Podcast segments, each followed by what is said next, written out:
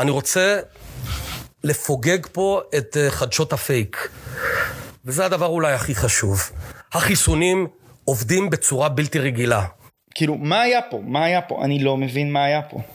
אני בהתחלה הייתי קונפורמיסט, עשיתי חיסון, פחדתי, הלכתי עם מסכות, והיום אני אומר, עבדו עליי. אבל מי עבד עליי? בפרקים הקודמים, בלכאורה. שחיתות של ממשלות ותאגידים גדולים, כולל תעשיית הבריאות. צ'ק.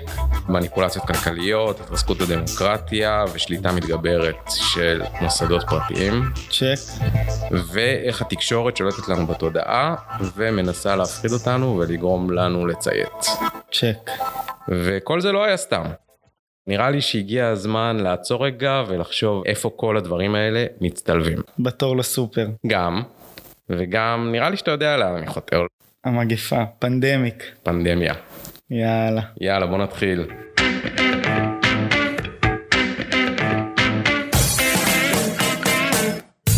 היום אנחנו מחליטים מבית אריאלה, עיריית תל אביב, ומאוד אהבו את הפרקים הקודמים שלנו והזמינו אותנו פה לה, להקליט בבית אריאלה. קמנו היום בשבע בבוקר, שתינו אה, שייק בריאות, והלכנו לאכול בקפה לנדבר.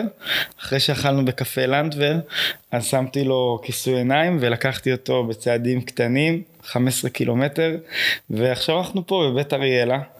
יש איתנו איזה 25 איש שהם מאוד בשקט כי אנחנו מקליטים בספרייה שמסתכלים עלינו ואנחנו מקליטים את הפרק. לא ככה אני זוכר את זה בכלל. זה הבעיה של זיכרון. אני זוכר שהתעוררתי לצעקות אללה אכבר אללה אכבר והם פשוט כיסו לי את העיניים וזרקו אותי לתוך מסחרית ונסענו. זה לא היה מסחרי זה היה מונית שירות.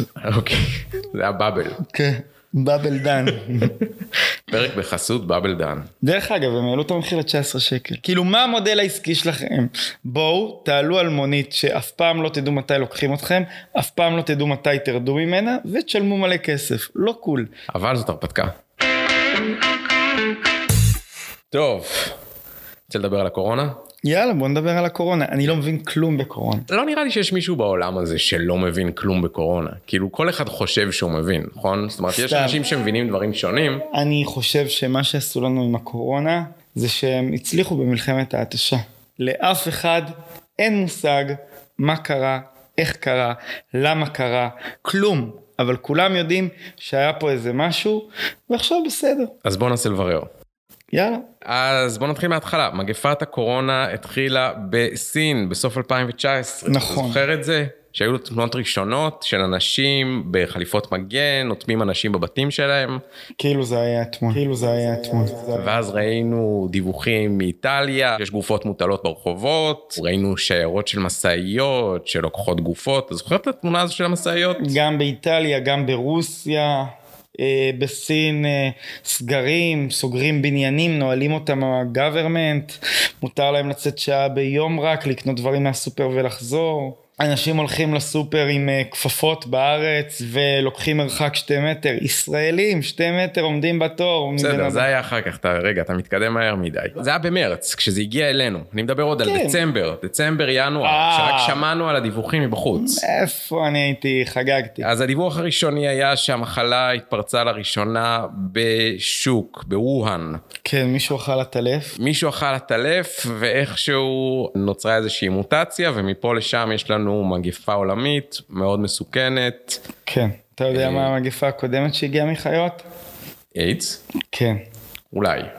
זה מה שאומרים. אז היה את הסיפור על השוק בוואן, אבל מה שגילינו מאוחר יותר זה שבוואן יש מכון לווירולוגיה שחוקר נגיפי קורונה בעטלפים. וואלה, היה וירוס בשם קורונה אצל חיות? קורונה זה קבוצה גדולה מאוד של וירוסים, נניח שפעת זה סוג של וירוס קורונה. מה שאנחנו קוראים לו קורונה זה בעצם מה שקוראים לו בעולם COVID-19 והזנים השונים שלו, שזה בעצם איזושהי מוטציה של משפחת הנגיפים הזאת שנקראת נגיפי קורונה. Mm-hmm. אז היה, יש את המכון לווירולוגיה הזה שהוא מאוד קרוב לשוק. האם זה קשור או לא קשור? כנראה שאף פעם לא נדע. אה, תחקיר עצמאי שעשתה ממשלת סין והמכון הווירולוגי גילו שאין שום קשר. הגיוני, סך הכל, אחרי שהקשבתי לכל הפרקים שהקלטנו, הגיוני. בוא נגיד שאם יש משהו אחד שאנחנו יודעים מכל מה שדיברנו עליו עד עכשיו, זה שתמיד כדאי וצריך לסמוך על אה, ממשלות. גורמי סמכות, ממשלות. תאגידים גדולים. ריבון, בגדול על הריבון. בטח ובטח שמדובר בממשלת סין שהכל שקוף שם.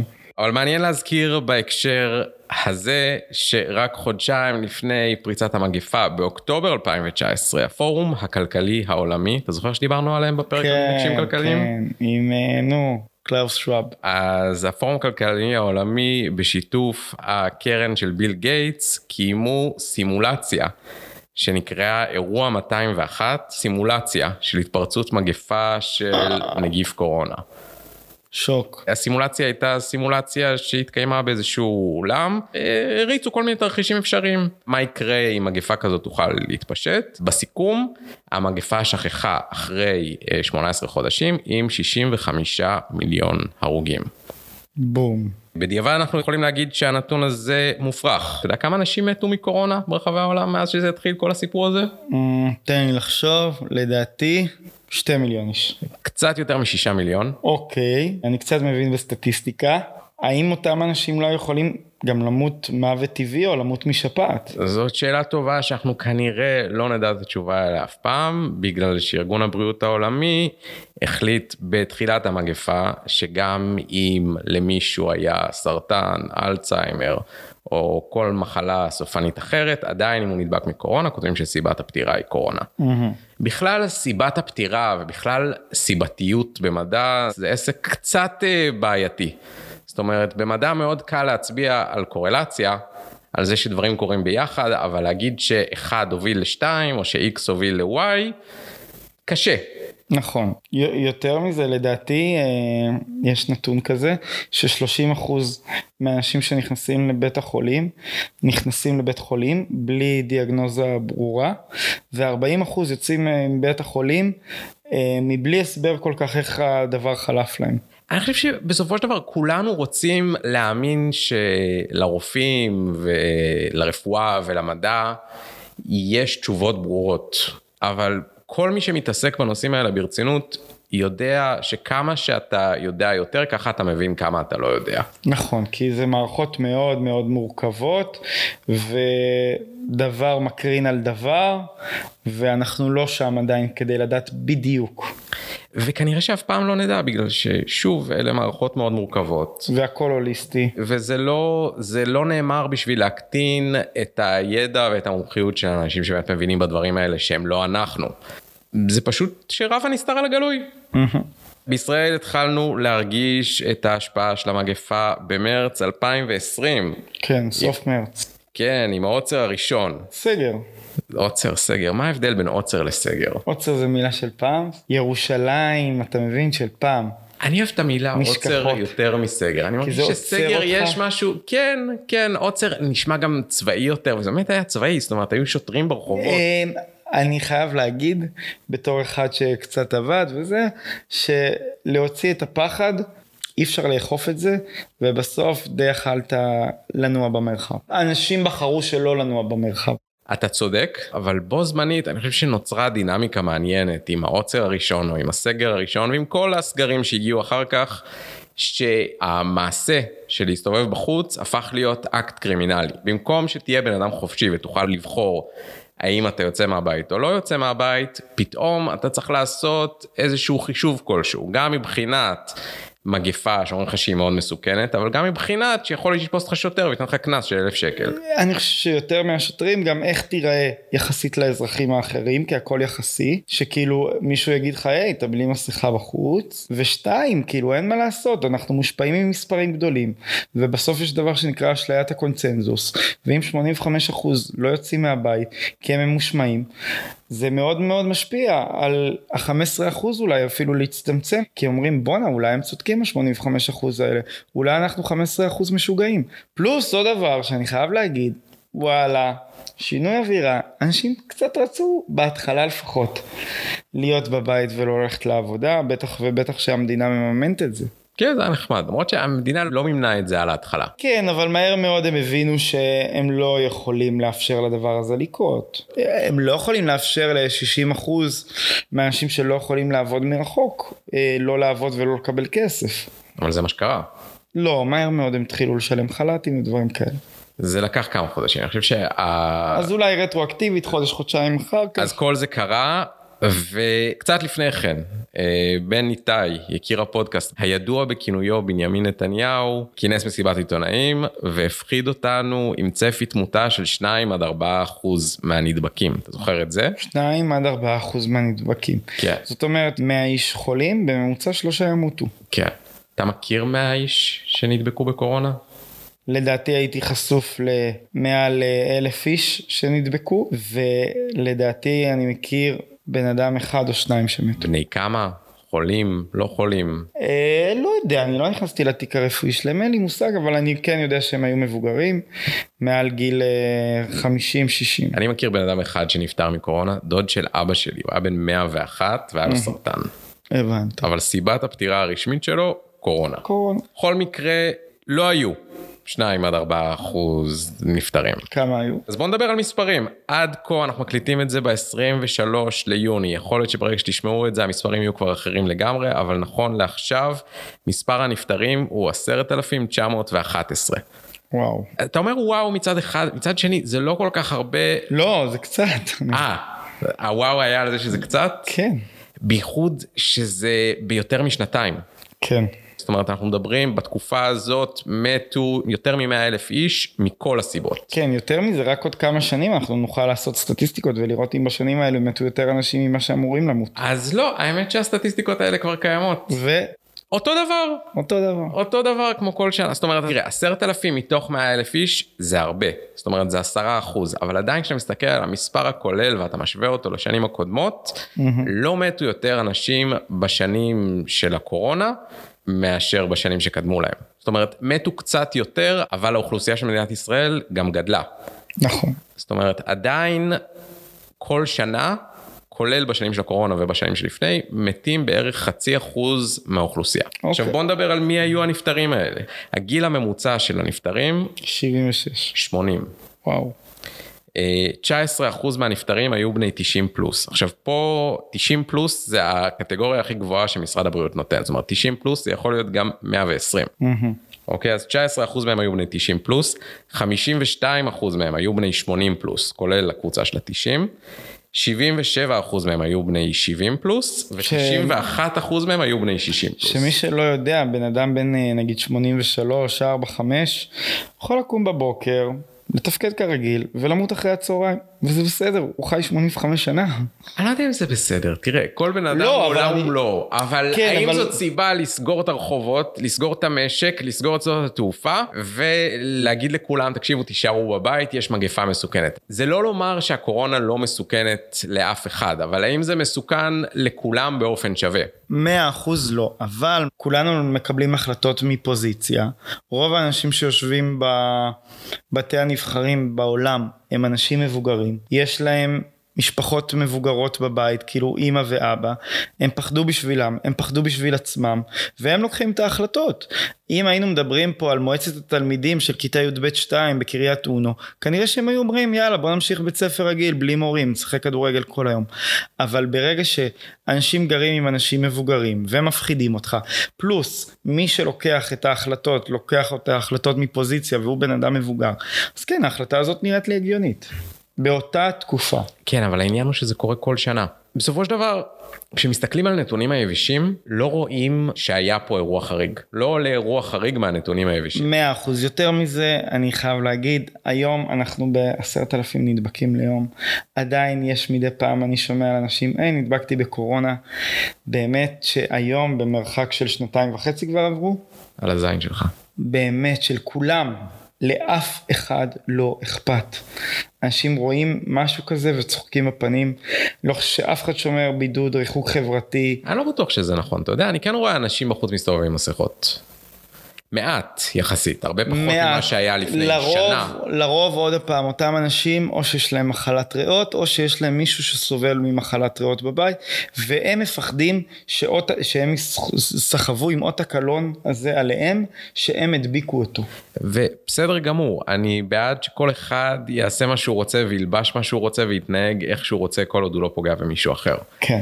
אבל מה שקרה בשנתיים האחרונות זה אה, שראינו כפייה של הדבר הזה. זאת אומרת, מאה אחוז. פתאום לא כל אחד יכול לעשות מה שהוא רוצה, אלא כולנו צריכים להתיישר לפי המדים שנקבעו שהם המסכה. היו עוד שני סגרים או אוצרים נוספים בדרך בספטמבר של אותה שנה, נכון? ספטמבר 2020. נכון, שגם הם, אני חייב להגיד, אחרי uh, שיחות עם uh, סטטיסטיקאים ומומחים לפנדמיות ודברים כאלה שהיו. קיצור, הם אמרו שאין סיבה לעשות סגר, זה מטומטם, זה מטומטם. תראה, הדעות בנושא הזה חלוקות. לא, לא, הם מראים מספרים, הם אומרים סגר זה דוחה את המכה ועושה מכה יותר חזקה עוד חודש, חודשיים. חוץ מזה, זה לא עושה כלום, כאילו. תראה, כמו עם אה, סיבת הפטירה מקורונה, גם עניין הסגרים, מאוד קשה לקבוע לכאן או לכאן האם זה יעיל או לא אז יעיל. לדעתי קבעו חד משמעית שזה לא יעיל. אין ספק שהקולות שאמרו שהסגר לא יעיל, אה, הושתקו, לכל הפחות הנמיכו עליהם את הווליום. מאה אחוז. אז היה את הסגר השני בספטמבר 2020, היה בינואר 21 גם את הסגר השלישי. אה, בו זמנית השב"כ, המשטרה החשאית של מדינת ישראל, התחילה באופן גלוי ומוצהר לעקוב אחרי אזרחים. אה, המשטרה הגלויה, משטרת ישראל, אכפה את האוצרים באמצעות קנסות, אה, עסקים נסגרו, הרבה אנשים נאלצו לקחת הלוואות, הייתה עלייה במקרי האלימות במשפחה, מספר ההתאבדויות עלה, אה, יותר אנשים התחילו ללכת לפסיכולוגים בגלל מצוקות נפשיות. פסיכולוגים, פסיכיאטרים. פסיכיאטרים, אה, ובתחילת 2021 הגיעו ה-321, חיסונים. הופה, לאחר שהם קיבלו היתר לשימוש בזמן חירום מה-FDA, ממנהל התרופות והמזון האמריקאי. כן, אישור די uh, שנעשה בזריז.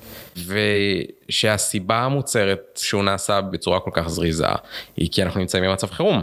נכון. למרות ששוב, הנתונים היבשים לא מראים מצב חירום. לא. ושוב, זה לא לומר שהמחלה הזאת לא מסוכנת, פשוט שהיא לא מסוכנת לכולם באופן שווה.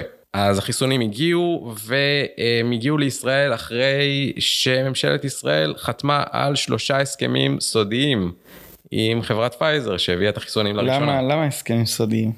למה הסכמים סודיים? שאלה ממש טובה. אני לא יודע.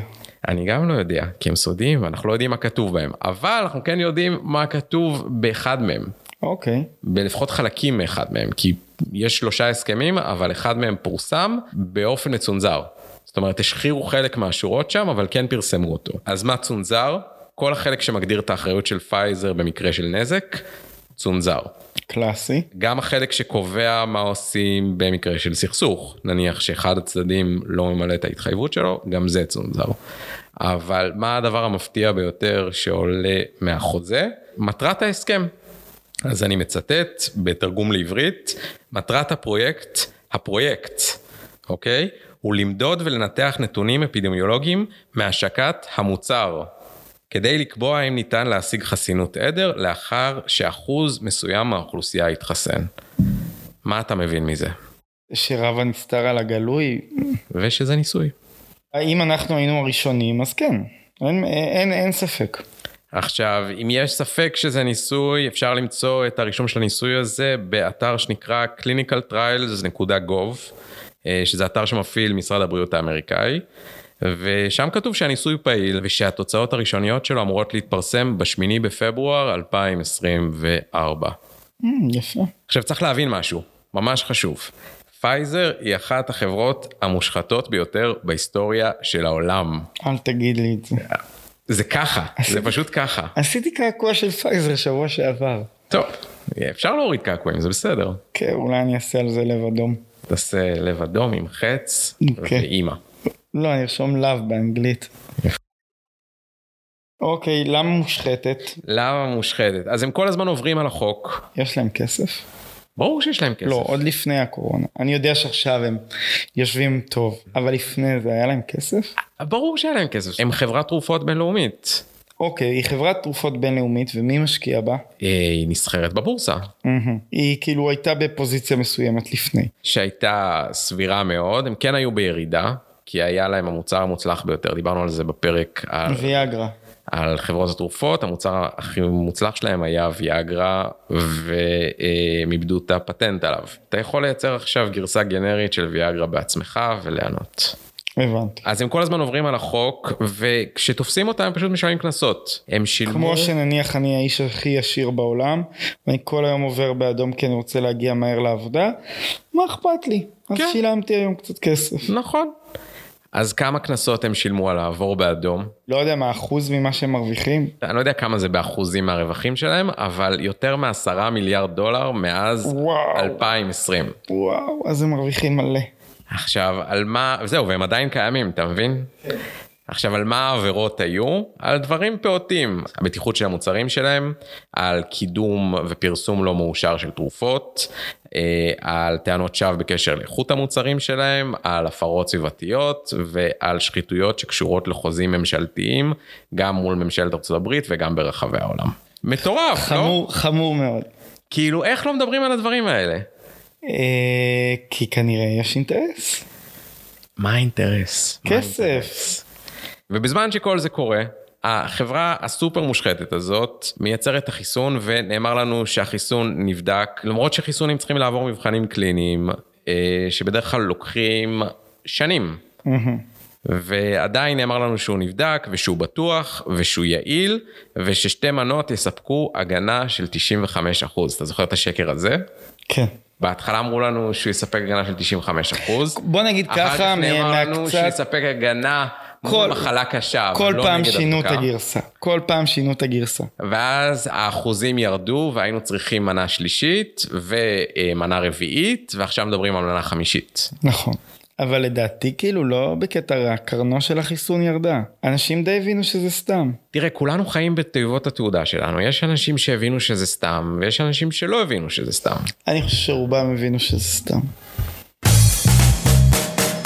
אז החיסון בהתחלה אמרו לנו שהוא מונע את המחלה ב-95% ורק אחר כך אמרו לנו שהוא בעצם מונע מחלה קשה.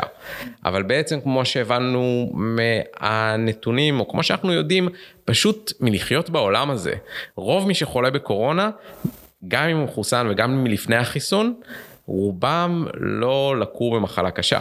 בוא נגיד ככה, מכיר אנשים שהתחסנו פעם, פעמיים, שלוש, אין שום הלימה בין האם נדבקת או לא נדבקת ועוצמת המחלה.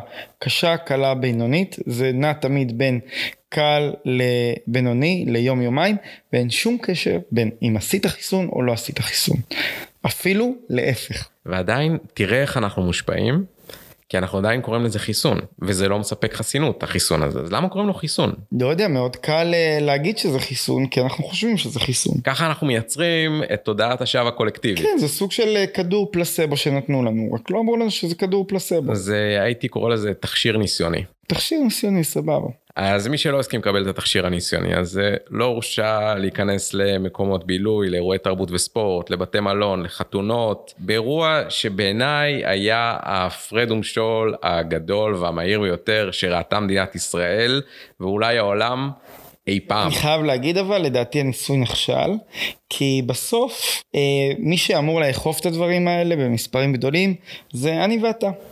עכשיו נניח ואתה מחר בבוקר שומר שמקבל שכר מינימום בבית ציוני אמריקה ואני בא ומנסה להיכנס להצגה. אוקיי, מקרה שקרה לחבר טוב. ואין לי חיסון, אבל אני קניתי 80 שקלים כרטיס להצגה ואני רוצה להיכנס להצגה. אז אני בא עם אה, צילום מסך או עם איזה משהו שקניתי מהטלגרם או שאני בא עם אה, צילום של חבר טוב שלי ואני פשוט מראה לו את זה יש לו 200 איש לבדוק במשהו כמו 10 דקות. נראה לך שהוא בודק הוא לא מתעמק יותר מזה אותם 198 איש שיושבים אה, לצד האנשים שזייפו בבדיקה. אני אומר הכוח אצלם. אם זה חשוב לכם תבדקו אותי אתם או תראו משהו. לאף אחד לא אכפת.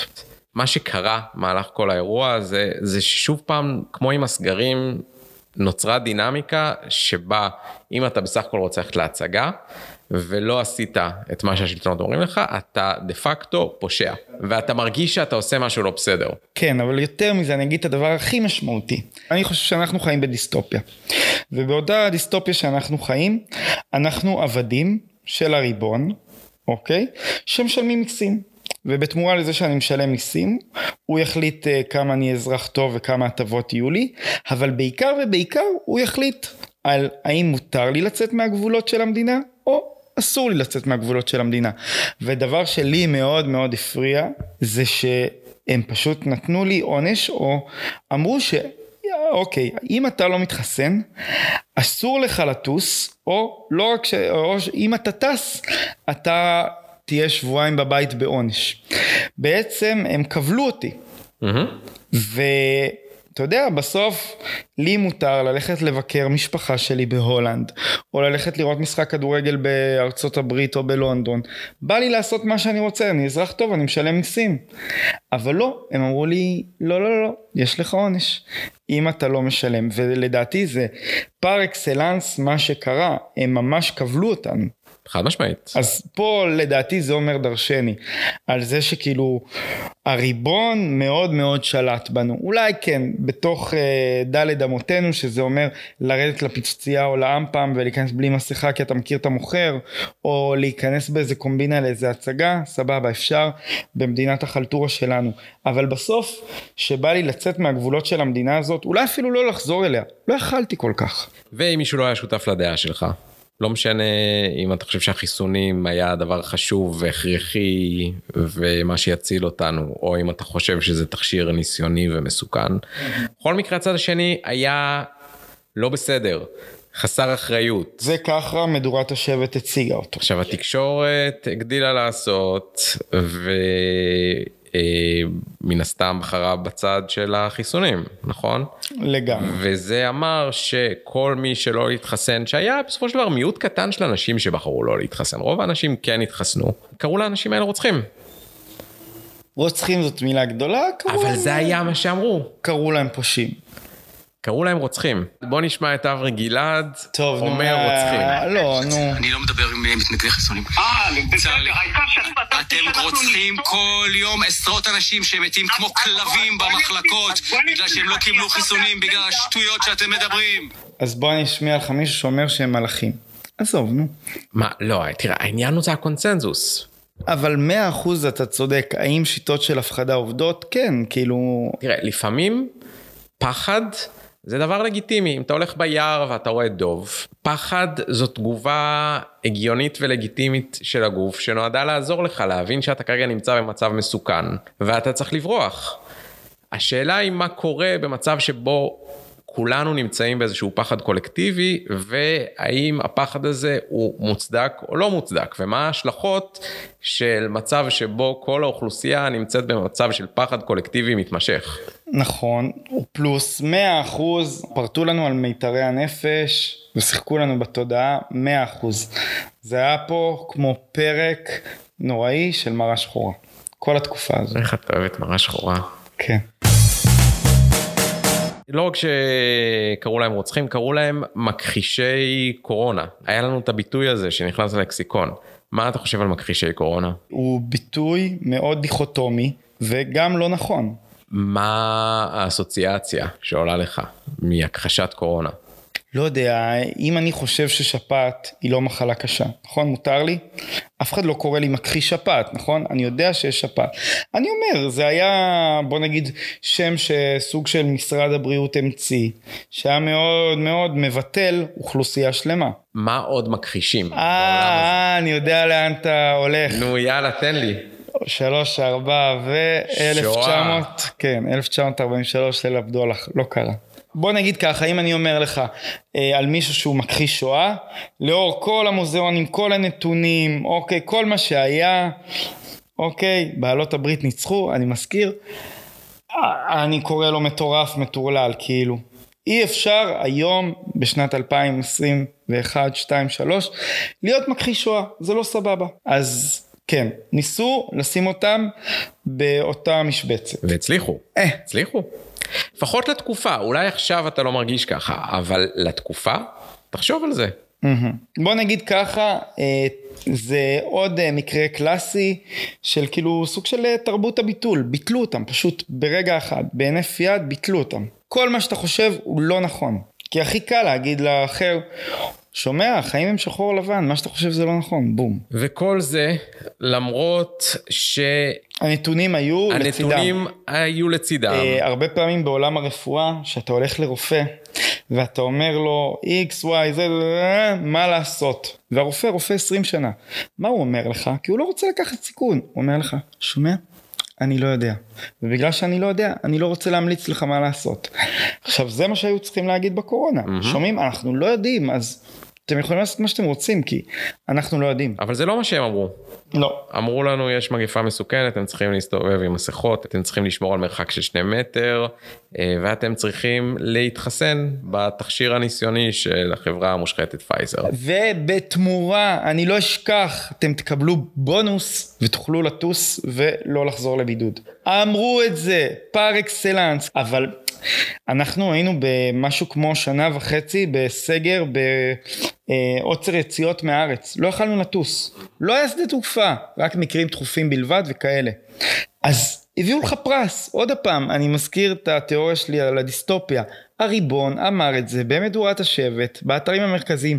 שומעים, מי שמתחסן בחיסון שני מקבל פרס, והפרס הוא שהוא יכול לחזור לארץ בלי בידוד. ולפרס הזה קראו התו הירוק, נכון, שהיה בתוקף במצטבר עם הפסקה של חודשיים בערך שנה. נכון. עכשיו, אם דיברתי מקודם על זה שאני יכול לזייף תו ירוק ולהיכנס לאיזה בית ציוני אמריקה, אני לא יכול לזייף תו ירוק ולצאת מהארץ, פה כבר בודקים אותי. עכשיו ההצדקה לסגרים, למגבלות, לאיכוני השב"כ, להיתר החירום לחיסונים ולאפליה של כל מי שבחר לשמור על האוטונומיה הגופנית שלו, הייתה שוב שזה מצב חירום כי המגפה משתוללת וצריך לדאוג לחיים עצמם, גם במחיר של הקרבת הזכויות האזרחיות שלנו. כן, ויותר מזה, הם נתנו לך את הפרס, הם אמרו לך, שומע, אם תעשה חיסון, תוכל לפגוש את המשפחה שלך. כן, גזר ומקל. כן, אבל זה, זה גזר לא נורמלי. לתת לך להיפגש עם המשפחה שלך בביטחון, מה שלפני זה הרבה אנשים פחדו, זה משהו מטורף. אנחנו חיים בעיקר בשביל הרלטיבס שלנו וגם מחקרים מראים שזה אחד המדדים הכי אלימים לאושר, אלימים בה'. אם אתה נחשף למשפחה וחברים בצורה בריאה ובתקשורת ורואה אותם ונוגע בהם ומשתחרר לך אוקסיטוצין, אתה בריא יותר נפשית ואתה יכול להיות גם מאושר יותר. אז ברגע שמביאים לך גזר כזה, מי לא ילך על זה? עכשיו תראה, אני לא בטוח שהאירוע הזה יסתיים, אבל יותר משנתיים אחרי, אני לא חושב שזה תיאוריית קונספירציה לומר שהייתה פה הצטלבות של אינטרסים שונים שיצרה סערה מושלמת. לגמרי שערה מושלמת. אז מה היה לנו? היה לנו את התקשורת הממוסדת. אוקיי? שיתפה ש- פעולה. ששיתפה פעולה פשוט כי היא איבדה וממשיכה לאבד לאט לאט רלוונטיות, נכון? כי יש לנו יותר אפשרויות בחירה איך אנחנו מקבלים את יותר המידע מזה, שלנו אנחנו ואת יודעים הבידור שהם שלנו. ממומנים על ידי כנראה מישהו עשיר, שלאותו בן אדם עשיר יש כנראה דברים לפרסם ולמכור, וכן, יש לו אינטרסים. ובו זמנית הם גם נואשים. או ושהוא של המדינה. כמו תאגיד השידור, שהוא נחמד ומקסים והכל, והוא גם מדי פעם מבקר משהו, אבל הוא טיפה בים. השידורים של כאן זה משהו מעניין, כי אני חושב שהם הדוגמה הטובה ביותר לאיך הקפיטליזם או איך השיטה החברתית שלנו משמרת את עצמה, על ידי זה שהיא מאפשרת ביקורת באיזה שהם גבולות מסוימים. לגמרי. אז זאת הפונקציה של כאן בחברה שלנו, הם כאילו ביקורתיים, אבל בעצם כל מה שהם עושים זה מכשירים את הריבון, את השלטון, כן, את הממסד. ובמילים אחרות קוראים לזה עלה תאנה. חלק מהשידורים של uh, כאן 11 הם העלה תאנה, ואז ככה אתה אומר, אוקיי, אבל uh, סבבה, הם חמודים, הם בסדר. כן, שאול אמסטרדמסקי מגיע ואומר לנו, תקשיבו, אתם משלמים אה, יותר מדי ואין ריביות על להם הבנקים. פרסומת, אין להם פרסומות, יש להם תשדירי שירות. הם הפרסומת. למ- למדינה? אז הם נקטו בהפחדה קיצונית, כי הם אמרו זאת הדרך היחידה שלנו להמשיך לרתק אנשים למסך. ובו זמנית הם שימשו שופר לתאגידים הגדולים ולשלטון. יותר מזה שבהתחלה כולם פחדו על הפנסיה שלהם ועל הקופות גמל ועל הכסף ו, לכולנו היה נראה שכאילו וואו יש עכשיו מגפה עולמית וזהו הכסף שלי הולך להיות שווה פחות הולך להיות בלאגן עם הכסף. הולך אוקיי, להיות לא בלאגן עם הכסף. מרוויח. יש אה, עכשיו בלאגן עם הכסף. נכון אבל עדיין יש לזה סיבות אחרות לדעתי אבל בוא נגיד ככה התגובה הטבעית של רוב האנשים הייתה שאוקיי הבורסה הולכת ליפול אם לא היום מחר. ומה קרה? הבורסה רק עלתה ועלתה ועלתה. ומה קורה כשהבורסה עולה? העשירים מתעשרים. מה, מאוד אבל. וזה הסיפור האמיתי של הקורונה. הופה. שבעצם בשנתיים האחרונות העשירים נהיו עשירים יותר ויותר. נס- בזמן שהם דרסו את הקטנים, הקטנים בזמן שהם נמחקו. דרסו גם את הכסף וגם את הזכויות של כל האנשים הקטנים. אז היה לנו את התקשורת, היה לנו גם את הממשלות, נכון? זאת אומרת, אתה יכול להגיד, אה, אבל זה כל הממשלות ביחד. כן, זה כל הממשלות ביחד, כל הממשלות ביחד קשורות אחת בשנייה. לא נעים להגיד את זה, אבל האנשים האלה נפגשים ומדברים ביניהם. כולם כמעט- וכולם חלק מאותה שיטה מושחתת. נכון, כמו שגם אם כולנו בעידן של הגלובליזציה, אנחנו כולנו קשורים בדולר וביורו איכשהו. מהמם. לא משנה, גם היין קשור. כן. ואלה הבעלים האמיתיים, נכון? אלה הריבון האמיתי, זאת אומרת, אנחנו בוחרים את ה... כמו שדיברנו בפרק על הדמוקרטיה, אנחנו בוחרים את האנשים שאנחנו רוצים שיופיעו בטלוויזיה ויגידו לנו האם מחר יהיה יום טוב או יום רע. אבל בסופו של דבר מי שעושה את ההחלטות הגדולות, בגלל אנשי- שאנחנו חיים במערכת כלכלית, אנשי זה- הצללים, עזוב אנשי צללים, זה הבנקים. הבנקים. זה הבנקים, זה האנשים שקובעים מה הערך של הכסף שווה, שזה אומר מה הערך של העבודה שלנו שווה ומה הערך של הזמן שלנו. אז כל הממשלות ברחבי העולם, כמעט ללא יוצא מהכלל, כולן נגועות בשחיתות, וכולן, כמו עם התקשורת, נואשות לנקוט באמצעים אני חושב קיצוניים. שהשחיתות היא מילה גדולה מדי, כמו כולם בהלימה לגדולים ולחזקים. אם יש לנו את אה, שמונה הממשלות הגדולות בעולם, שזה גרמניה, בריטניה, הברית נניח, נניח. יפן, כולם בהלימה אליהם. אז בסוף שהשמונה הממשלות האלה מחליטות על משהו, אולי ביניהם, אנחנו מושפעים מזה. ודבר נוסף שהממשלות האלה רצו וממשיכות לרצות לעשות זה להגביר את השליטה בנו, נכון? ואת התחושה שלנו כסובייקטים שאנחנו נשלטים. והם היו מוכנים לנקוט באמצעים קיצוניים בשביל לעשות את זה. בין אם זה אה, לתת לנו קנסות אם אנחנו פשוט הולכים ברחוב, או לתת למשטרה החשאית לאכן אותנו. הקורונה גם הוכיחה שאני לא יודע איך להגדיר את זה, אבל עושים ניסוי ויש פה אנשים שמשתפים פעולה והם לא יודעים שהם משתתפים בניסוי. כמו הניסוי בבית סוהר, עם האסירים והסוהרים. הניסוי של סטנפורד, כן. שמה קרה שם. אה, לקחו קבוצה לדעתי של אה, 40 סטודנטים, אמרו לעשרה מתוכם שהם אה, סוהרים, לשלושים מתוכם שהם אסירים, וראו איך במרוצת הזמן האסירים מתנהגים כמו אסירים והסוהרים מתנהגים כמו סוהרים, ואיך הכוח והרוע משתלט עליהם, ואיך הם בעצם אה, מחוללים את המציאות שלהם ונהיים אה, רעים יותר, אלימים יותר, כוחניים יותר, מחליטים יותר. על אותם אסירים שבתכלס הם באותו מצב רק הם בניסוי. ולוקחים את התפקיד שהם קיבלו על עצמם במהלך מה שנראה כמו משחק בהתחלה מאוד מאוד ברצינות. נכון. ודבר נוסף שקרה במסגרת השליטה הזו, במסגרת החיסונים, זה שעכשיו לפחות לממשלת ישראל, אתה יודע, לא לכל מדינה יש מערכת בריאות מסודרת, אבל לנו יש מערכת בריאות מאוד מאוד מסודרת, שזאת הסיב, אחת הסיבות שאנחנו קיבלנו את החיסונים הראשונים בעולם, ועכשיו לממשלת ישראל יש רשימה מסודרת של כל מי שלא התחסן, שזה נראה לי כרגע עם כל הלחצים שהופעלו, בהלימה די גדולה עם כל מי שלא מאמין למשטר. נכון. אז בעצם יש לנו, החיסונים אפשרו לממשלת ישראל לייצר רשימה של מתנגדי משטר, שזה מעניין. מאוד. והמשתתפים האחרונים בסערה המושלמת הזאת שיצרה הקורונה הם התאגידים הגדולים והמושחתים בעצמם, בעיקר תעשיית התרופות, אבל לא רק, שגם מנסים להגדיל את השורה התחתונה שלהם, ומוכנים גם להשתמש בכל אמצעי שעומד לרשותם. כדי לשכנע את הציבור לקנות את המוצרים שלו. ובוא לא נטעה, החיסון הוא מוצר, אוקיי? שילמנו עליו כסף. פייזר, אתה יודע כמה, כמה כסף פייזר הרוויחה ב-2021? רק ב-2021. והרוויחה, לא הכניסה, רווח נקי. לדעתי 20 מיליארד דולר. 22 מיליארד דולר, כן. וואו, בואנה, יא, אני ממש כל הכבוד, אתה טוב. יאללה. וואו, זה כאילו, זה מלא כסף. זה מלא כסף. רווח. רווח. כאילו לקחתי ניסוי, עלה לי שלוש דולר, מכרתי, שינעתי, שילמתי לעובדים, שכירות, עולם, עדיין הרווחתי כל כך הרבה כסף. עכשיו, אתה, צ- אתה הרווחת 22 מיליארד דולר בשנה אחת, זה כזה נורא לשלם 10 מיליארד דולר על קנסות במשך 20 שנה? כלום, זה טיפה בים. וואלה, זה משתלם.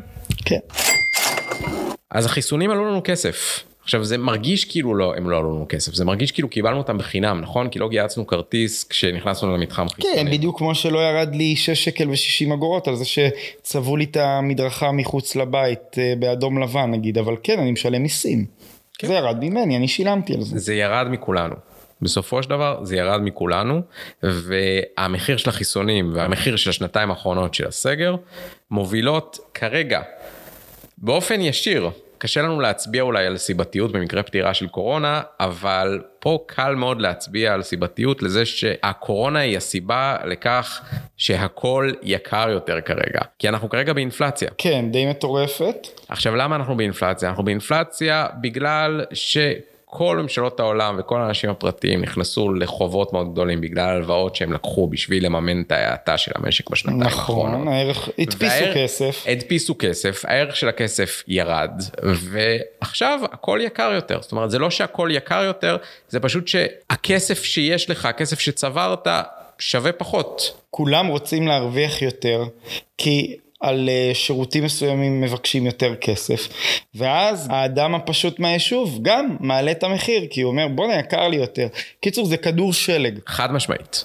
ואתה יודע על מה מדברים עכשיו שיעצור את הכדור שלג. מלחמה, גם מלחמה, מלחמה, תראה, מלחמה כבר התחלנו, מלחמה היה לנו עם אוקראינה. נכון. או עדיין אה, יש לנו עם אוקראינה. אוקיי, לדעתי זה ממשיך, לא? אה, כן, עדיין מלחמת התשה. אני לא יודע, לא שמעתי על זה כלום כבר מלא זמן. אמ, אבל מלחמה זה דרך אחת, אבל דרך נוספת לעצור את עוד האינפלציה. מגפה? לא, הרבה יותר פשוט. מיתון. אנחנו בדרך למיתון.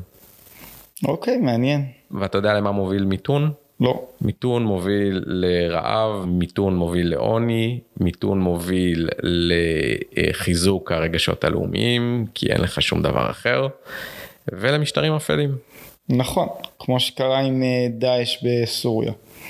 או עם היטלר. וואי וואי. נכון, את האמת שזה די דומה. לשניהם לא היה כסף, ואז ארגונים קיצוניים לקחו את כל מי שהם יכולים. כן. אה, רגע, אז מה עם המניות? מה עם הקשירת קשר? שבעלי מניות חזקים, שכולם כאילו, שכל. קבוצת מניות או קרן הון מסוימת עלתה בקורונה. אה, אתה מדבר על ונגארד ובלק רוק, זה, אנחנו נעשה פרק נפרד על בלק רוק, זה יגיע, אני מבטיח. הסיפור לא הסתיים, אבל בינתיים אני רוצה לאחל לך דיסטופיה נעימה. אוקיי. אה, אלא אם כן יש לך משהו נוסף להוסיף. לא, אין לי לא. כלום להוסיף. אז שתהיה דיסטופיה נעימה לך ולכולנו. יאללה, שבת שלום. שבת שלום, יאללה ביי. ביי ביי.